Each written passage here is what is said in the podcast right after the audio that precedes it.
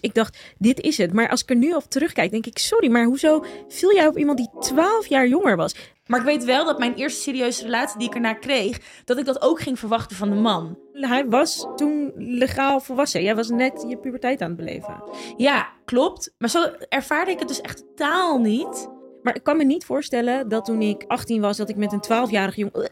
Sorry, Ja, maar- ik word er echt misselijk van. gewoon. En we hadden gewoon een hele leuke tijd. Maar in mijn hoofd had ik net, ja, maar jij bent helemaal niet waar ik sta. Hey, dit is de Crushed Podcast. Hierin bespreken Misha en Irina dingen die zij vaak alleen in privésferen delen.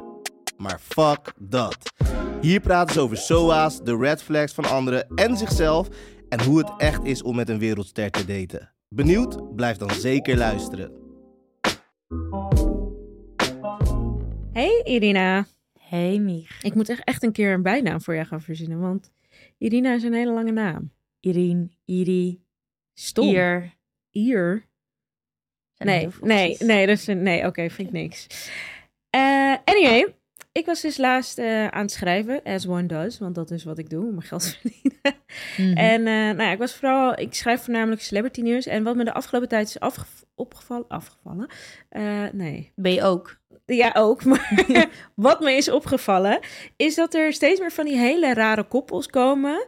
Eh, gewoon echt de meest random people ever. Dat je denkt van, hoezo zijn jullie nu een stelletje? Maar dat, was, dat is nog niet eens het opvallendste. Het leeftijdsverschil valt mij gewoon heel erg op. Dus er zijn steeds meer, nou ja, laten we zeggen, de Brad Pitts van deze wereld. En letterlijk Brad Pitt, die dan nu met een chick gaat, die, weet ik veel, 27 of zo is. Weet je, dat leeftijdsverschil is fucking groot. Terwijl ik denk, wie, waar, wat? Hoe werkt dit? Want ik kan me niet voorstellen dat als je, weet ik veel, 58 bent, dat je zit op te wachten op een meid die nu een beetje gaat ontdekken wat ze daadwerkelijk wil gaan doen. Ik denk ook, wat, wat, is, wat is veel? Wat is...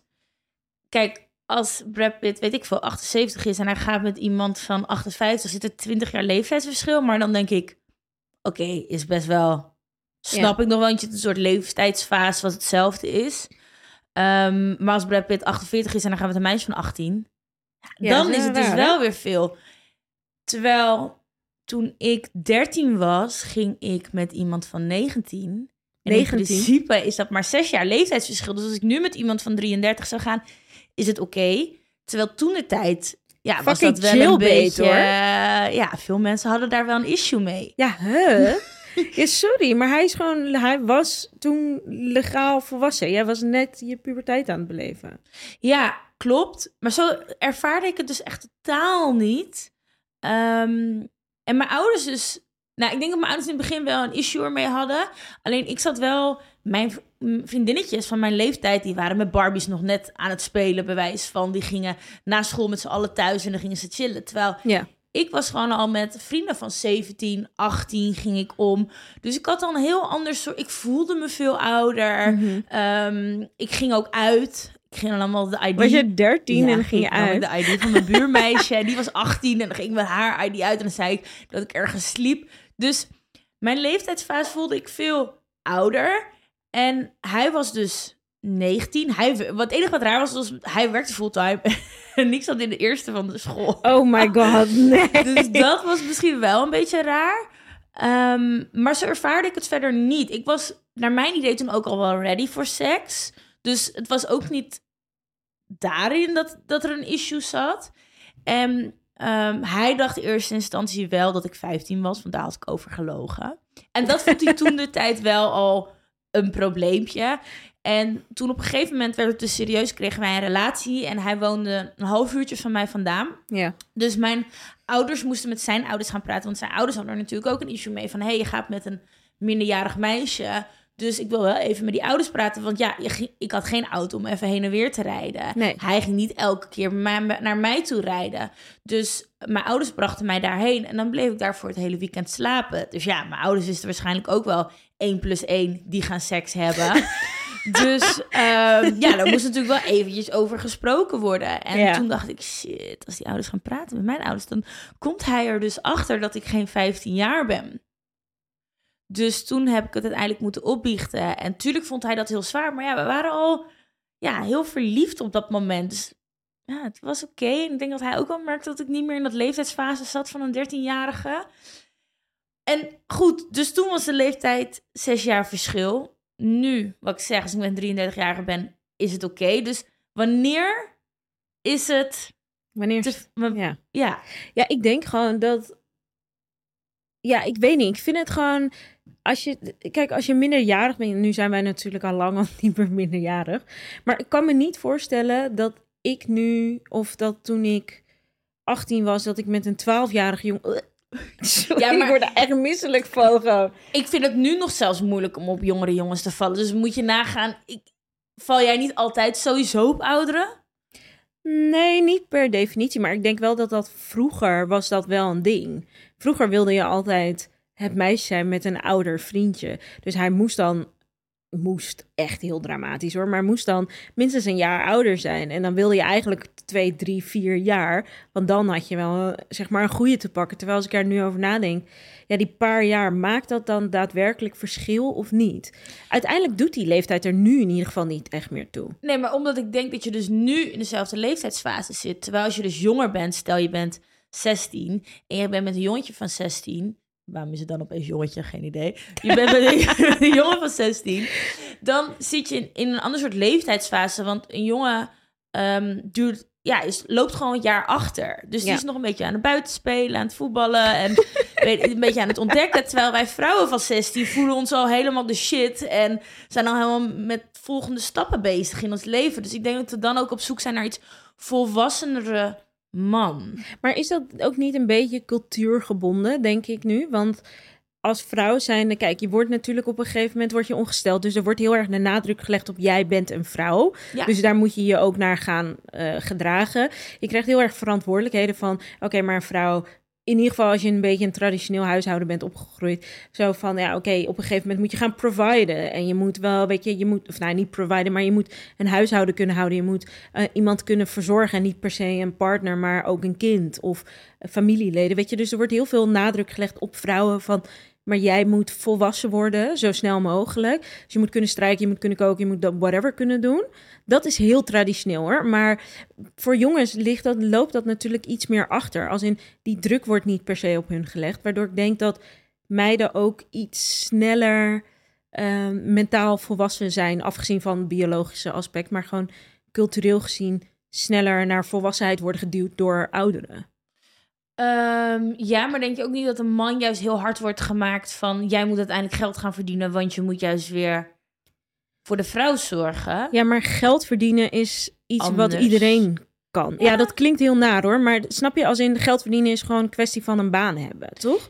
Ja, en ik denk ook wel dat wij vrouwen altijd wel erg op zoek zijn naar iemand die zorgzaam is. Die we vergelijken misschien wel met ons vader, die er misschien altijd zijn. Maar ook misschien als je vader er niet was, dat je dan ehm, een soort vervanger zoekt. En ik denk niet per se dat misschien een man op zoek is naar iemand die op zijn vrouw. Op zijn vrouw, op zijn moeder lijkt. Denk ik. Ik denk dat er zijn natuurlijk best wel.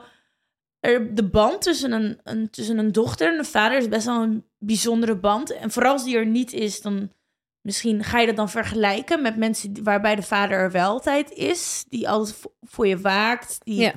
Denk je niet? Nou ja, ik weet het, want ik heb het zelf meegemaakt. Ik heb major daddy issues. Oh my god. Eh, ja, nee, mijn vader overleed toen ik 15 was. Dus ik heb natuurlijk een heel groot gedeelte van mijn leven wel met hem meegemaakt. Maar ik ben inmiddels 32, dus ik heb nu langer zonder hem geleefd dan met. En als je 15 bent, dan ben je natuurlijk heel erg, ehm, ja, nog heel erg in ontwikkeling met je band met andere mensen en zo.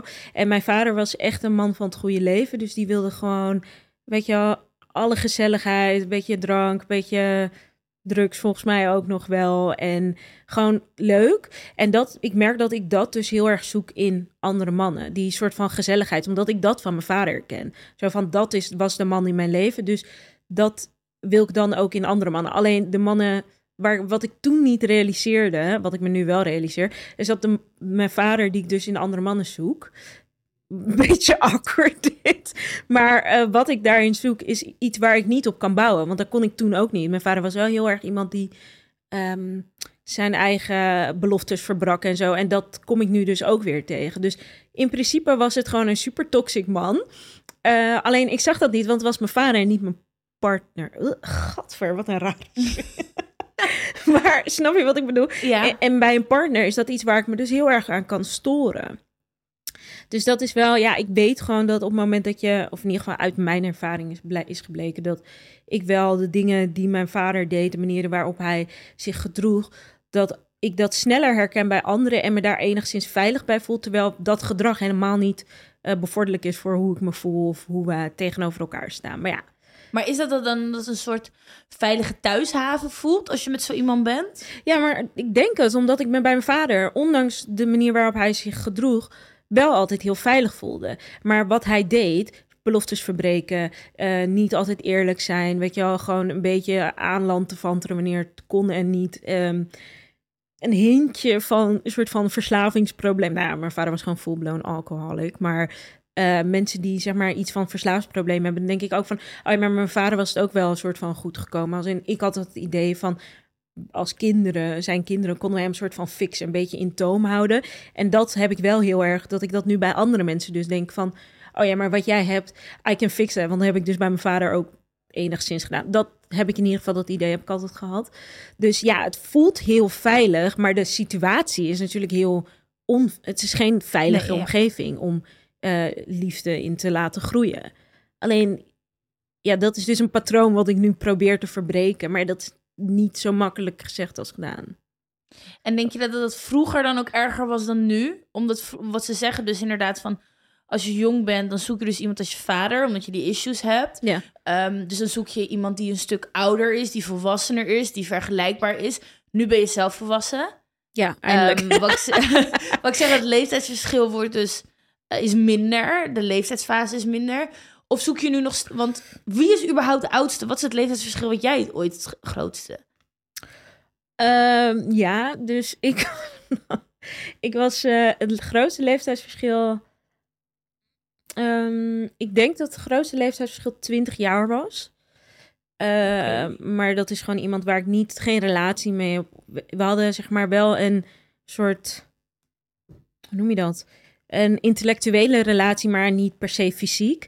Maar het, grootste, eh, zeg maar daarna, het grootste was eh 12 jaar verschil. Toen was ik 20 en hij was 32. En ja, als ik daar nu over nadenk, ik ben nu zelf 32, ik moet er niet aan denken om met een 20-jarige te gaan. Maar eh, ja, hoe wij, we hadden elkaar leren kennen en mijn vriendin en ik noemden hem ook altijd de meneer, omdat nou, hij was gewoon een meneer, weet je wel, gewoon echt iemand die zijn zaakjes op een rijtje had. En ik was student en ging dan tot vier uur slapen in de hoop dat ik dan niet, toch niet nog naar college moest of zo. Ehm, en ja, we hadden. Ik weet niet, het was heel gezellig, vond ik toen. Maar ik vond het heel spannend dat hij ouder was. En wat we deden was eigenlijk niks. Hij, ehm, hij had dan zijn eigen huis en hij nodigde me dan uit. En dan gingen we allebei een film uitkiezen. En dan gingen we twee films kijken achter elkaar. En dat was echt super weird. Dan ging hij gewoon allemaal snacks en dan gingen we samen eten. En het was en daartussendoor gesprekken en knuffelen op de bank. Maar het was niet, zeg maar, het was wel fysiek, maar niet heel intiem of zo. En dat vond ik toen echt fantastisch. Ik dacht, dit is het. Maar als ik er nu op terugkijk, denk ik, sorry, maar hoezo viel jij op iemand die 12 jaar jonger was? Als ik nu naar foto's van mezelf kijk, want to- toen ik 20 was, denk ik echt, nou, jij komt echt net uit de luiers. Doe ze even normaal. En waarom denk je dat het dan zo was? Ja, ik was natuurlijk gewoon ook heel leuk. nee, ja, ik denk, ik weet het niet. Eh, misschien was hij mentaal jonger en ik mentaal ouder. Ik heb natuurlijk best wel wat dingen meegemaakt, waaronder dus het overlijden van mijn vader, waardoor ik dus vroeg volwassen ben geworden. En ik denk, ik denk niet dat ik me per se gedroeg als een 20-jarige, maar ja, ik was ook niet een 32-jarige. Dus ik weet niet waar dat aan heeft gelegen. Maar misschien wel mijn daddy issues die toen al een beetje de kop opstaken, zonder dat ik het wist. Maar jij? Jij daddy issues? Nee, nee. Mijn vader is echt een de liefste mannen die ik ken. Echt ehm, heel zorgzaam. En ehm, hij deed ook alles voor mij. Ja. Dus, ehm, en nog steeds. Ja. Ik hoef maar één keer pap te appen en hij staat naast me. en toen ik jong was, ja, ik hoefde niks dus in huis te doen. Dus wat jij net zegt over eh, snel oud of volwassen worden of zo, dat herken ik totaal niet. Want mijn vader deed alles voor me. Ik hoefde mijn bord niet op te ruimen. Als we op wintersport gingen, droeg hij mijn skis. Eh, ik hoefde nooit wat te doen. Ik was echt Een zijn prinsesje. Maar ik weet wel dat mijn eerste serieuze relatie die ik erna kreeg, dat ik dat ook ging verwachten van de man. dat hij mij als prinses Ja. ja, droeg, zeg maar. Ehm, dus ik denk wel dat ik onbewust toch op zoek ben wel naar een man die vergelijkbaar is als mijn vader om ja, dat zorgzame. Ehm, dus op die manier denk ik wel. Dus misschien daarom ook dat ik op oudere mannen viel omdat een jongetje van 15, die kon niet mijn skis gaan dragen op wintersport. of die kon niet boodschappen voor mij halen. Ehm, dus op die manier denk ik... Ja, denk ik wel dat ik op zoek ben naar een man zoals mijn vader. Ja. Ja. Maar het is niet per se een issue, want ik denk dat het juist heel erg... Je bent heel erg op zoek naar de positieve kwaliteiten van je vader zeker. in een ander. Ja, zeker, zeker, I zeker. love that for you. Ja, Ik ben niet jaloers. maar het is niet meer dat ik per se op dit moment dus op zoek ben naar een man die veel ouder is. Ehm, dat heb ik echt tot een paar jaar geleden wel heel erg gehad. Ik weet nog wel dus dat ook dat ik... Ik heb twee keer met een jongen gedate die jonger was dan mij. En dat hebben we het over twee jaar jonger. En dat was dan... Wilde ik eigenlijk dat niemand dat wist. Want ik schaamde me dat hij twee jaar jonger was dan mij. En we hadden gewoon een hele leuke tijd. Maar in mijn hoofd had ik net... Ja, maar jij bent helemaal niet waar ik sta. Nee, want ja, ook om... ehm, ik werkte natuurlijk al heel vroeg. Zaten ze bijvoorbeeld nog op school. Of ze waren net begonnen met een baan. Toen dacht ik, ja, dit, dit, dit gaat nooit werken.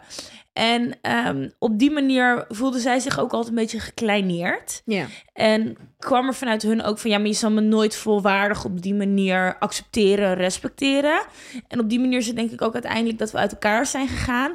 En nu hebben zij dus alle twee een vrouw die ouder is dan nog dan ik. Ja. En denk Echt? ik, shit man, weet je wel. Dit had ik is- kunnen zijn. Dit had ik kunnen. Het had dus wel kunnen werken. Want het waren echt twee hele leuke gasten. Dus zo zonde dat ik op dat leeftijdsverschil ehm, heb beoordeeld. Dus nu, hoe eerst mijn Tinder-profiel dus toen ik jong was, bewijs van stond op minimaal drie jaar ouder, heb ik het nu ook op twee jaar jonger dan ik staan. En zou het denk ik dus wel kunnen werken. En ik denk ook als ik nu met een man zou daten die dus 12 jaar ouder is. En dan ben je dus bijna 40. En als je dan nog steeds geen. Kijk, het kan natuurlijk zijn dat je relatie net uit, uit elkaar is gaan. Maar als je tot die tijd nog steeds al die tijd vrijgezel bent geweest. Dan denk ik ook wel. Hmm, what's wrong with you? Zeg maar. Is er angsten? Weet je, er zit. Het is voor mij ook wel een beetje een red flag dan. Ja, maar ik heb dat nu dus ook al. Dat mensen aan mij vragen van, maar hoezo ben jij zo lang single?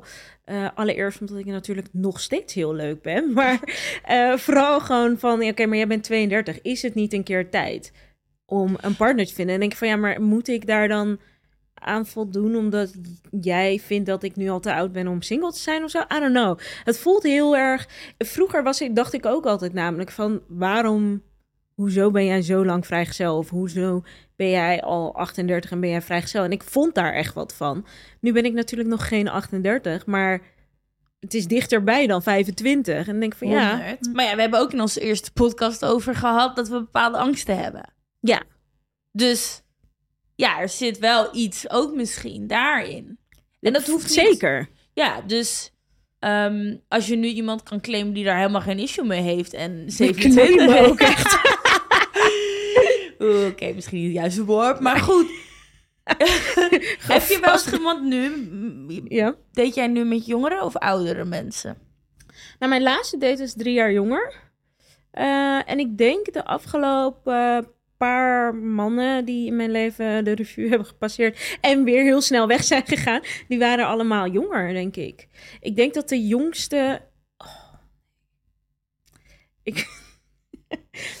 ik was 29 en hij was 21. En toen dacht ik wel, je bent jonger dan mijn zusje. Dat, dit kan niet. Mijn zusje is vier jaar jonger dan dat ik ben. Dat hield ik ook altijd aan. Het mocht nooit ouder dan mijn broers zijn. Dat had ik altijd in mijn hoofd inderdaad. Mijn broer en ik schelen zeven jaar. Ja. Hou je dat, hield je dat dan ook aan?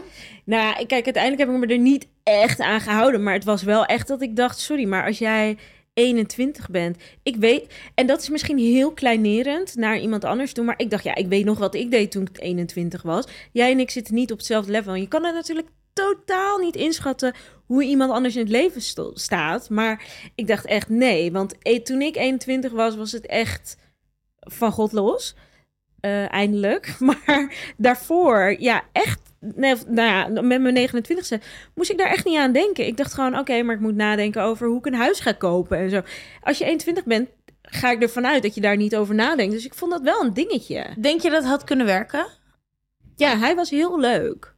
Dus het had zeker kunnen werken, Ondanks het leeftijdsverschil. ondanks het leeftijdsverschil. Maar ik merkte dat ik daar vooral een issue mee had. Hij niet, want alle jongens waar, of jongens, eeuw, man, jonge mannen waar ik mee heb gedate, of eh, iets mee heb gedaan, of heb gekletst, of whatever, eh, die jonger waren, die vonden het allemaal echt geen probleem. Ik was de enige. Mijn eerste vriendje was ook een jaar jonger dan dat ik was. En ik schaamde me vroeger echt om dat te vertellen. Terwijl dat sloeg helemaal nergens op. Ik denk dat we anderhalf jaar scheelden. En hij was ook heel volwassen. Hij was super gezellig. We hebben echt een hele leuke relatie ook best wel lang gehad. Eh, maar ik vond het in het begin, dacht ik echt, ik was 20 en hij werd toen net 19. Toen dacht ik, oh my god. Nee, echt een baby heb ik hier. Terwijl dat slaat natuurlijk helemaal nergens op. Ja, snap ik helemaal. Maar ook wat je hier net hiervoor zei, vind ik eigenlijk ook best wel interessant. Want jij zei, hij is bezig met, ik ben bezig met een huiskoop. We hebben natuurlijk ook een biologische klok. Ja. En vroeger was het zo van, je kan tot je 34ste kinderen krijgen. Hoe, in ieder geval, zo werd ik een beetje opgevoed. No pressure. Nu, nee, maar nu zijn we er inmiddels wel achter dat je eigenlijk tot je 40ste wel kinderen zou krijgen. Ja. Dus dat betekent dat hoe we vroeger werden opgevoed.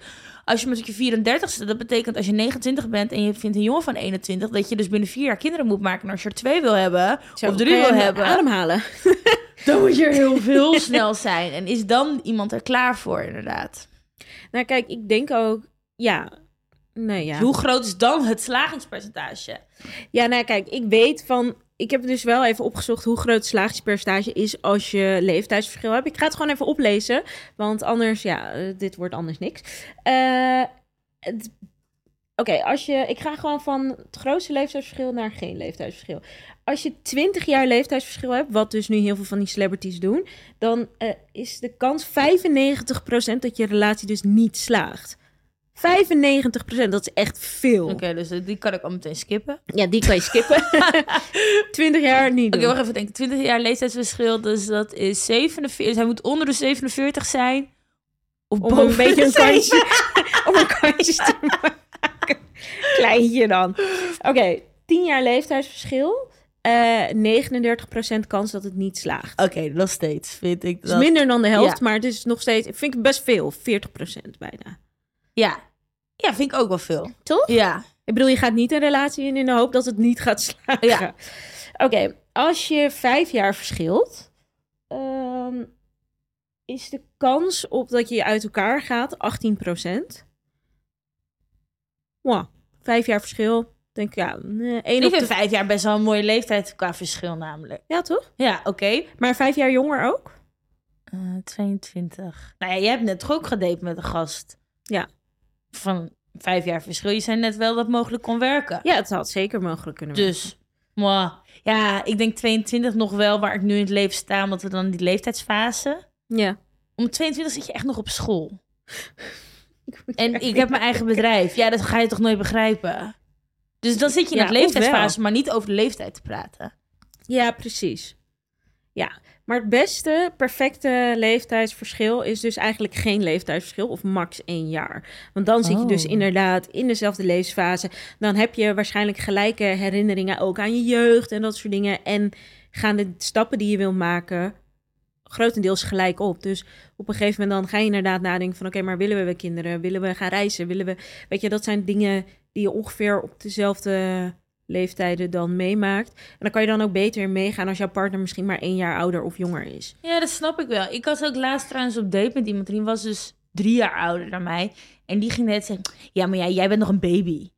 En maar dat is ik, fucking irritant. ja, fucking irritant. Maar zo zou je me altijd misschien wel blijven zien dan ook. Ja. Dus terwijl als je dezelfde leeftijd hebt, dan zeg je dat inderdaad niet tegen elkaar. Nee, want het gaat niet op. Ja, I don't know, man. Oké, dus jij kiest nu bij voorkeur iemand van je eigen leeftijd. Kijk, als iemand echt eh, drie keer jouw leeftijd is, dan is die bejaard. Maar dan, eh, dan merk je dat vanzelf wel. Als iemand een beetje er en leuk uitziet en gezellig is en whatever.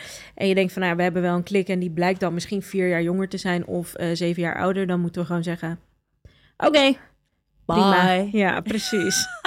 nee, maar dan moeten we dus eigenlijk gewoon zeggen van, hartstikke gezellig, gaan we doen. En fuck dat vers- leeftijdsverschil, toch? Ja, eens. Oké, goede conclusie, man. Ja, bedankt. nou, thanks. eh, blij dat we dit ook weer een keer hebben gehad. En eh, nou, gaan we maar daten. Met jongere mannen. Leuk. Of ouder. Ja, of ouder inderdaad. Oké, thanks. Bye. Deze podcast is mogelijk gemaakt door Geuren en Kleuren Media.